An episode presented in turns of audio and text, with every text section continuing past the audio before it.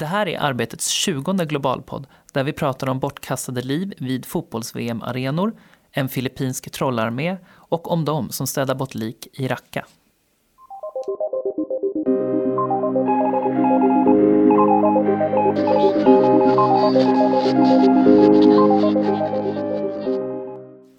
Hej igen och välkomna till den 20 Globalpodden. Och det blir faktiskt den sista som vi kommer att göra innan ett litet sommaruppehåll. Eh, jag tror att det kommer bli ganska skönt med semester, det tycker nog även ni som lyssnar på det här. Men eh, många kommer säkert sitta bänkade framför TVn, fast det kanske förhoppningsvis blir fint väder i sommar. Och det är ju för att fotbolls-VM har dragit igång. Så då måste jag fråga er, jag ska kanske presentera oss också vilka vi är. Det är jag, Kim Nilsson, webbredaktör på Arbetet, Erik Larsson och Ivar Andersen eh, på Arbetet Global. Ja, hej. här. hej. Men då vill jag ju fråga er, har ni sett några matcher? Eh, Ja, faktiskt mer än eh, jag brukar. Eh, Men det, det, som jag gick, gick igång mest på, det var nog den här matchen mellan Island och Argentina. Varför Den- det? Det egentligen var det en rätt sopig match, men jag hejade så jätte, jättemycket på Island. Mm. Och det var ju liksom... Ja, men det, det, var, det var kul liksom att se att de kunde spela 1-1 eller spela oavgjort liksom med eh, Argentina. Så det var- helt fantastiskt. Sådär. Mm. Ja, sen så gillar jag matchen eh, mellan, eh, nu ska vi se, det var Mexiko och Tyskland också. Mm. Och där gick det ju oväntat bra för Mexiko. Ja, de vann väl? Ja, 1-0 blev det. Och man, jag följde den lite grann med globala ögon. Eh, det är nämligen val i Mexiko och det kan ha rätt stor effekt på hela regionen. Det är lite oklart, alltså sånt där vet man ju aldrig innan. Men en eh, vänsterpolitiker som heter Andrés Manuel López Obrador har, eh, är en av storfavoriterna. Och han eh, går eh, till val med en aktiv arbetsmarknadspolitik och mm, ja, mm, han vill eh, städa upp i det korrumperade, korrumperade samhället och så vidare. Så där. Men eh, ja, det blir det är väl oklart att se om de här om man kan, kommer att kunna genomföra de här löftena. Och, Och- och, och valet- och, om man vinner framförallt. det vet visst. man inte. Ja. Men Så- valet är, är, det- är det första juli då? Ja, exakt, Mm. exakt. Och det här kommer vi ha en stor artikel om då, Mm. snart, inom kort. Så. Såg du matchen Ivar? Eh, inte någon av de matcherna. Jag, är- jag är generellt en ganska dålig, eh, dålig på att titta på fotboll. Jag lider mer när det går dåligt än vad jag blir glad när det går bra. Så liksom den här ja, välmåendesekvationen går inte riktigt ihop. Men jag har sett några matcher. Jag kollade på um, Spanien mot Iran tillsammans med eh, ett gäng vänner med iranskt påbrå. Och det var, det var spännande. Jag är ganska förtjust i det här liksom gränssnittet där idrott och samhälle på något sätt möts. Och med, med Iran så, så var det ju förstås också en del storpolitik inblandat. Um, storpolitik på fotnivå.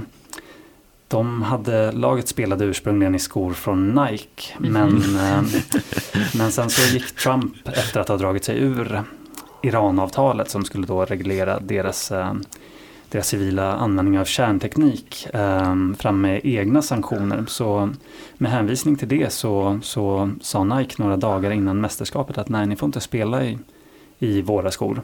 Eh, det, var, det var mina vänner väldigt upprörda över. Um, Tror du att det påverkar resultatet på något sätt? Ja, jag vet inte, de var lite inne på det. De var, de var upprörda både över det här med skorna och över ett bortdömt mål. Och, och ja, som sagt, det, Men där ser man ju hur lätt just faktiskt, vad ska man säga, politik, samhällsfrågor ändå kan sippra sig in i ett sånt här idrottsevenemang. Vi pratade ju om det tidigare år när det var vinter-OS också, det här med att det blir lätt politiska frågor. Sådana här stora idrottsevenemang ska ju försöka stå utanför politik och att det ska bara vara en fest för idrottare och sådär. Men det Ja, blir hur? väldigt Ja. sällan. Ja. Mm. Och det här VMet har ju också varit väldigt eh, omtalat då eh, runt omkring. Om in, framförallt när man har pratat om liksom arbetsvillkor för de som har jobbat och byggt de här arenorna. Och det har ju liksom du skrivit lite om Erik. Ja, inte jag, men vi har, Global har haft eh, artiklar det. om mm. det. Liksom så Och, eh, ja, bland annat har vi haft en stor artikel om hur ryska myndigheter har gått ganska hårt åt oppositionen i Ryssland. Alltså dels så har, ju, har vi det här klassiska problemet med dålig arbetsmiljö. Det verkar som att eh, det är mer regel än undantag att man använder migrantarbetare från andra länder när de här VM-arenorna ska byggas. Så har det även varit i Ryssland. Och det, jag tror att det är 21 personer, migrantarbetare, som har omkommit i samband med de här eh, byggnationerna. Ja. Mm. Men, men också liksom att de har haft dåliga arbetsvillkor. Och, låg lön. Sådär, va? Men det har också varit att, eh, flera rapporter om att eh, den ryska oppositionen har blivit ganska hårt ansatt innan de här spelen. Och det finns ju troligen, troligtvis, eller de hävdar ju i alla fall att man har försökt göra utrensningar så att man inte ska bli protester liksom mot myndigheterna. Och bland annat så har vi skrivit om en hemlig organisation som den ryska säkerhetstjänsten hävdar kallas för nätverket. Och det här nätverket det består ju då av ett eh, gäng anarkister helt enkelt som eh, enligt Säkerhetspolisen så har de planerat att störta Putin medan de själva mm. då mer ser det som att eh, de är kritiska liksom mot hur de blir åtsatta. Det är som några av dem har torterats och behandlats illa dåligt liksom, på olika sätt, vilket vi har skrivit om här. Mm. Ja, nu ska man ju inte riktigt gå händelserna i förväg här, men det är faktiskt till och med då så, när vi ändå är inne på det här med fotbolls-VM och arbetsvillkor och annat, så är det ju så att nästa fotbolls-VM då, som om fyra år, så kommer ju utspela sig, i, eller det kommer ju vara i Qatar. Eh, och där har vi ju på Global haft en hel del eh, artiklar om de som bygger VM-arenorna där. Och dessutom har ju ni två båda varit i Qatar. Ja, för eh, olika tidningar. För olika tidningar ja, då. Liksom. Mm. Ivar, vad skrev du om när du var där till exempel? Om just arbetsvillkoren med fokus på migrantarbetare. Jag var där för eh, tidningen Omvärldens räkning. Och jag, eh, jag följde migrantarbetare från Nepal. Så att vi först började i Nepal, därefter reste till Qatar och såg hur de hade det på plats och därefter reste tillbaka till Nepal. Och ja, det, det var ju det är tusentals som, som lämnar Nepal för Gulfen varje dag. Alltså den enda arbetsmarknadspolitik Nepal egentligen har är att skicka, skicka ut så många gästarbetare som möjligt. Och från Qatar så var det lite extra dramatiskt för det var så, så skrämmande många som eh, omkom på byggena av, av de här VM-arenorna. Så, så det dokumenterade vi helt enkelt eh, ja, de som kom hem i kister och, och mötte liksom deras familjer i, i hemlandet. Och det är ju såklart väldigt, väldigt dramatiskt. Men jag tror att det som ändå på något sätt drabbade mig mest var, var den här liksom känslan av, av bortslösade liv. Mm. Alltså rubriken, det blir ju rätt att rubrikerna kommer att handla om de livsfarliga arbetsvillkoren och de som de som får, får liksom offra livet på något sätt på den globaliserade idrottens altare. Men det är också det är på något sätt mycket svårare att skriva om eh, alltså, vad, vad betyder det för familjerna hemma i Nepal att liksom en, en, eh, en generation barn växer upp med frånvarande fäder? Är det ett rimligt pris att betala för en, en högre levnadsstandard? Och och hur är liksom egentligen livet som gästarbetare bortom rubrikerna? För det är ganska ruttet. De här människorna, mm. de, de, de offrar ju liksom de, de bästa decennierna i sina liv för att, i förhoppningen om att deras barn ska få det bättre. Det är liksom ett lågmält, ouppmärksammat lidande. Och, ja, jag vet inte, jag tyckte, det var, jag tyckte det var tufft. Och för mig så är de där människorna på, alltså de är ändå hjältar. De offrar ju liksom sig själva för, för nästa generation det, det, är ju otroligt eh, liksom, det, låter ju, det är ju otroligt gripande det här du berättar, men jag tänkte när du skrev för omvärlden då, liksom, hur reagerar folk? För att när du berättar det så här så blir man ju otroligt tagen, men jag tänker liksom, hur, hur reagerar folk på den artikel eller på det du rapporterade då? Var, var det som att, ah, nej det är hemskt men det är så långt bort, det, händer, det liksom påverkar inte riktigt? Apropå idrott igen då, det, det är ju tacksamt um, i just det avseendet. att skriva om, om dåliga arbetsvillkor i relation till ett stort idrottsmästerskap. Mm. Det drar ju upp uppmärksamheten. Mm. Det ger ökad spridning och ökad läsning. Um, hela Gulfen är ju byggd av gästarbetare. Men det är mycket, mycket svårare att, att liksom få uppmärksamhet kring, kring arbetsförhållanden i Abu Dhabi eller för den delen Dubai. Mm. Där det inte är något sånt här mästerskap. Så på ett bisarrt sätt så, så, så ja, belyser det ju um, migrantarbetarnas uh, tuffa situation också. Mm. Mm. Det är lite intressant att du tar upp den där aspekten liksom av bortkastade liv. För att det var faktiskt min erfarenhet också. Det är det jag kommer att minnas mest ifrån eh, min rapportering i Qatar. Jag kommer, ihåg, eller jag kommer att minnas två saker. Det ena var att jag hängde mycket med filippinska arbetare. Och eh, jag kommer ihåg en kväll så smög jag in tillsammans med dem i förläggningen som de hade. Mm. Eh, och sen så satt jag och käkade med dem en sen kväll liksom så här, och de berättade om sina liv och man såg hur trångt de bodde och så vidare. Det är så här bestående minnen som jag kommer ha bära med mig ja, resten av mitt liv egentligen. Liksom, så här, det var fantastiskt att få vara med och dela det. Men det är en av männen som jag träffade där. Han berättade att eh, han hade jobbat i 20, över 20 år. Han har jobbat i arabvärlden. Och han började när han skulle åka, eh, när han precis hade gift sig. Och sen så eh, för att han ville att skapa en, ta hem pengar till familjen eller bilda en familj. Och så fick han barn och han fortsatte att åka för att de skulle få utbilda sig. Mm. Och han har alltså levt större delen av sitt liv, liksom, i, hade levt större delen av sitt liv utomlands. Och han var trött på jobbet för att det är ett hårt jobb. Liksom. Du är bara ledig på söndagar egentligen. Och då måste du tvätta, sköta ärenden och du är knappt någon fritid alls. Och du saknar familjen. Men han, han frågade sin familj om de ville att han skulle komma hem igen. Och de var inte så intresserade av det för de hade blivit beroende av den här inkomsten också. Mm. Och det kändes ju bara fruktansvärt tragiskt. Speciellt också när man mm. träffar unga människor som var på väg in i samma situation. Liksom, ja, som man antagligen vet kommer fortsätta då? Ja. Och, då, och då går det ju till liksom så här att man går till de här rekryteringsbyråerna och man kanske måste, ja det här var då, nu har jag reglerna ändrats lite grann, men måste låna pengar av dem för att komma iväg och de här pengarna måste du betala tillbaka så att du kanske jobbar gratis i ett år. Mm i princip. Eh, eller gratis gratis men alltså. För ja, man få... kan inte skicka hem någon in... Alltså, Nej, du måste betala skulden liksom ja. först. Mm. Och sen kan du tjäna pengar. Liksom, så mm. så det, ja. Men det som slog mig i Qatar det var också att det fanns en et etnisk lönesättning. Liksom att eh, de som tjänar lägst det var afrikaner. Liksom så här. Och sen så kom eh, folk från Indien och Nepal.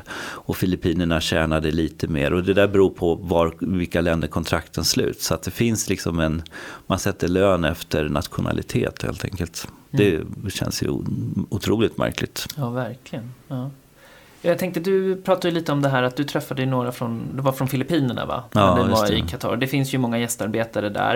Eh, men det är också så att en artikel som ja, har sin utgång i just Filippinerna har det ju blivit ganska mycket liv om på Arbetet Global den här senaste ja, det är, tiden. Det är Ivars fel helt enkelt. Är det Ivars fel? Ja. Vad har du gjort? det, det är en, eh, den artikeln är då en intervju med en, eh, en filippinsk fackföreningsledare närmare bestämt eh, en man som heter Joshua Mata från den fackliga paraplyorganisationen Centro. Det är då en, eh, en oberoende fackförening i Filippinerna. Och Filippinerna har ju en väldigt stark tradition av eh, gula fack som står arbetsgivarna nära. Många som härstammar från Marcos-diktaturen. Centro är inte gula kan man konstatera och i den här intervjun så går Joshua Mata väldigt hårt åt eh, Filippinernas president Rodrigo Duterte. Och Mata menar egentligen att eh, Duterte medvetet leder landet mot fascism. Han menar att, eh, ja visst han må vara galen i vissa avseenden men han har en politisk plan för, för i vilken riktning han vill vrida landet. Och när vi då har publicerat en engelsk version av den mm. här på Arbetet Global så har det det har dragit till sig en del uppmärksamhet från upprörda Duterte-supportrar. Ja, det kan man Mm. lugnt sagt säga. Jag har, tror jag måste gå in varje timme liksom och rensa bort. Är det sant? Ja, det, är- det är väldigt eh, starka känslor. Och det, ja, Ja. man, jag menar, det förekommer ju liksom att fackliga har mördats och sådär på Filippinerna. Så det, det, det, det, Ja, men det är ju uppenbarligen en fråga som engagerar då. Kan man ju Ja. lugnt säga. Ja. Det är ju inte så förvånande heller. Alltså, ehm, om, om man tittar på Dutertes popularitet i Filippinerna så är den alltjämt skyhög. Mm. Alltså han, han åtnjuter ju förtroendesiffror som de flesta västerländska ledare bara skulle kunna drömma om. Mm. Och han har ju den här nätmobben med sig. Mm. Ehm, nu tycker jag givetvis, eh, även om jag då talar lite i egen sak, att, att vår artikel är bra. Men jag tror att det här gänget som vi så att säga har blivit drabbade av i våra sociala medier, de går på allt negativt som skrivs om Ja. Duterte. ja, det absolut. här är liksom en Ja, del av en ja, politisk det här är strategi. En, en, vardag, Ja. en vardag för dem. Ja. Liksom. Men eh, det, det, är, det är massiv kritik liksom, så här, kan man säga. Och, men jag menar, det, är, det är ganska dålig kritik. Liksom, så här, också, Ja, det är på det sättet med- fula ord och sånt. Ja, Ja, exakt. mm. exakt. Inte Så- så, konstruktiv. Nej, säga. så det gäller att vara snabb och få bort sånt där ur kommentatorsfälten helt enkelt. Så. Mm. Men ni har ju haft lite annat på Global också. Ja, exakt. Vi hade ett eh, stort reportage nu om, eh, med rubriken Dödgrävarna i Raqqa. Just det.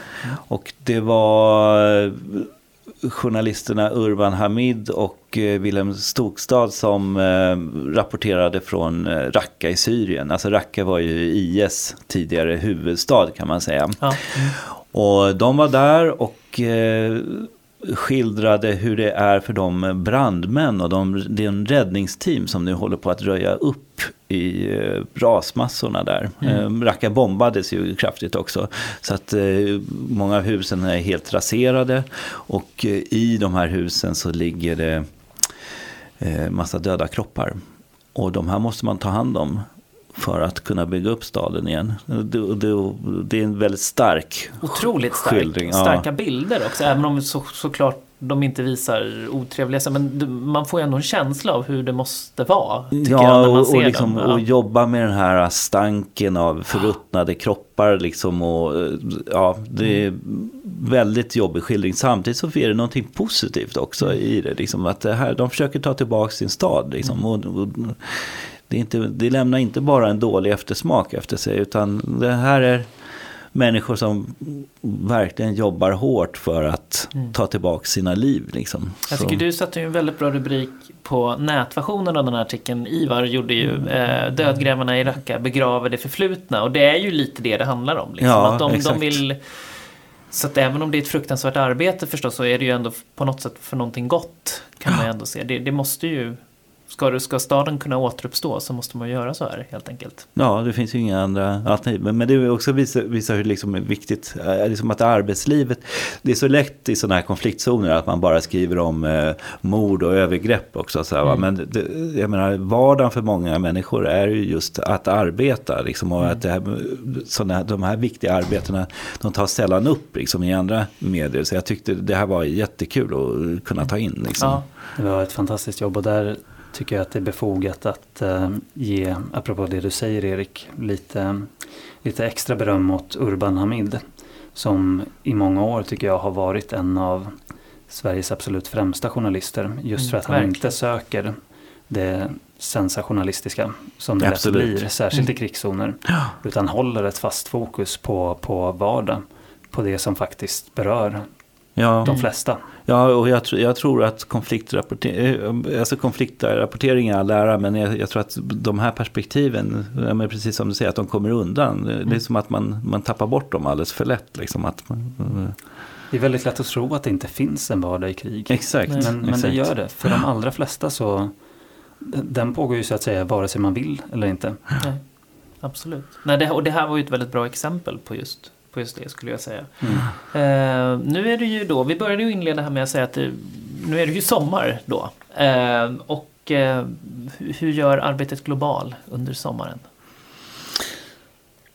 Ja, jag, jag gör inte så jättemycket mer för jag, jag går på, på semester idag. Nedräkning. Ja, verkligen. Några timmar kvar.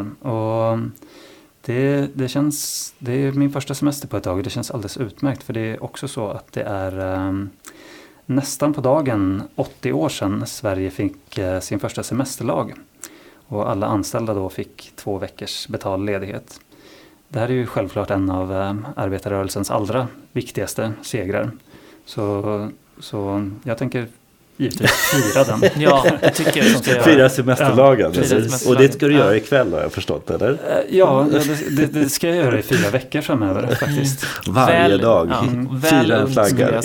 Ja. Du då, Ja, Erik? Ja, jag jobbar lite till. Mm. Eh, vi, kommer ju, vi kommer ju ha uppdatering under sommaren men det kommer att inte, inte vara lika eh, ja, ambitiöst som vi har i vanligtvis. Man kan, man kan säga liksom att eh, global, vi, vi är som vi vi är som en sorts djur, fast till skillnad från björnarna så eh, Går ni dvala på sommaren? Går vi dvala på sommaren. Liksom.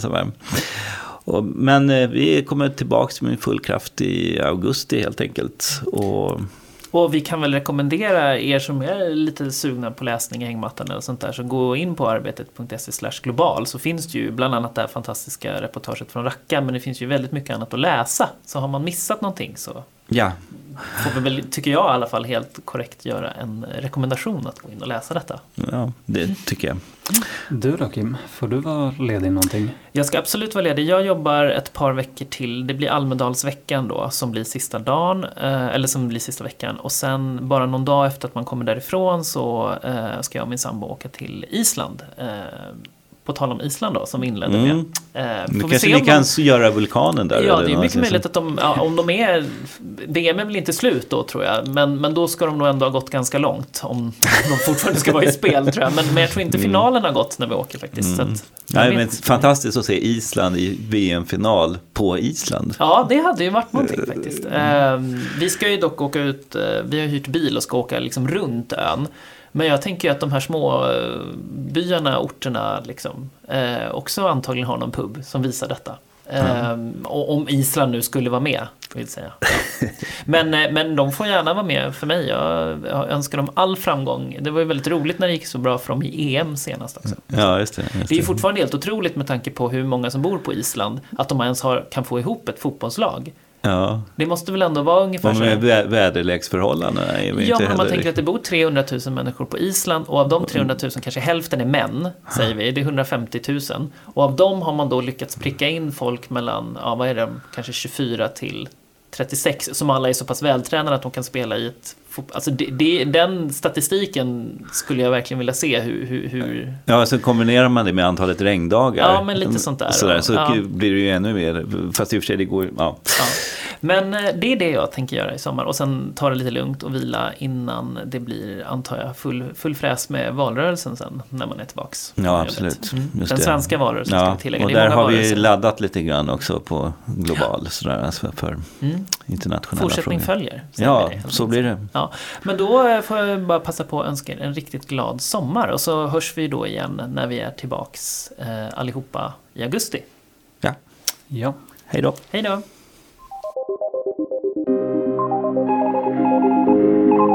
Thank you.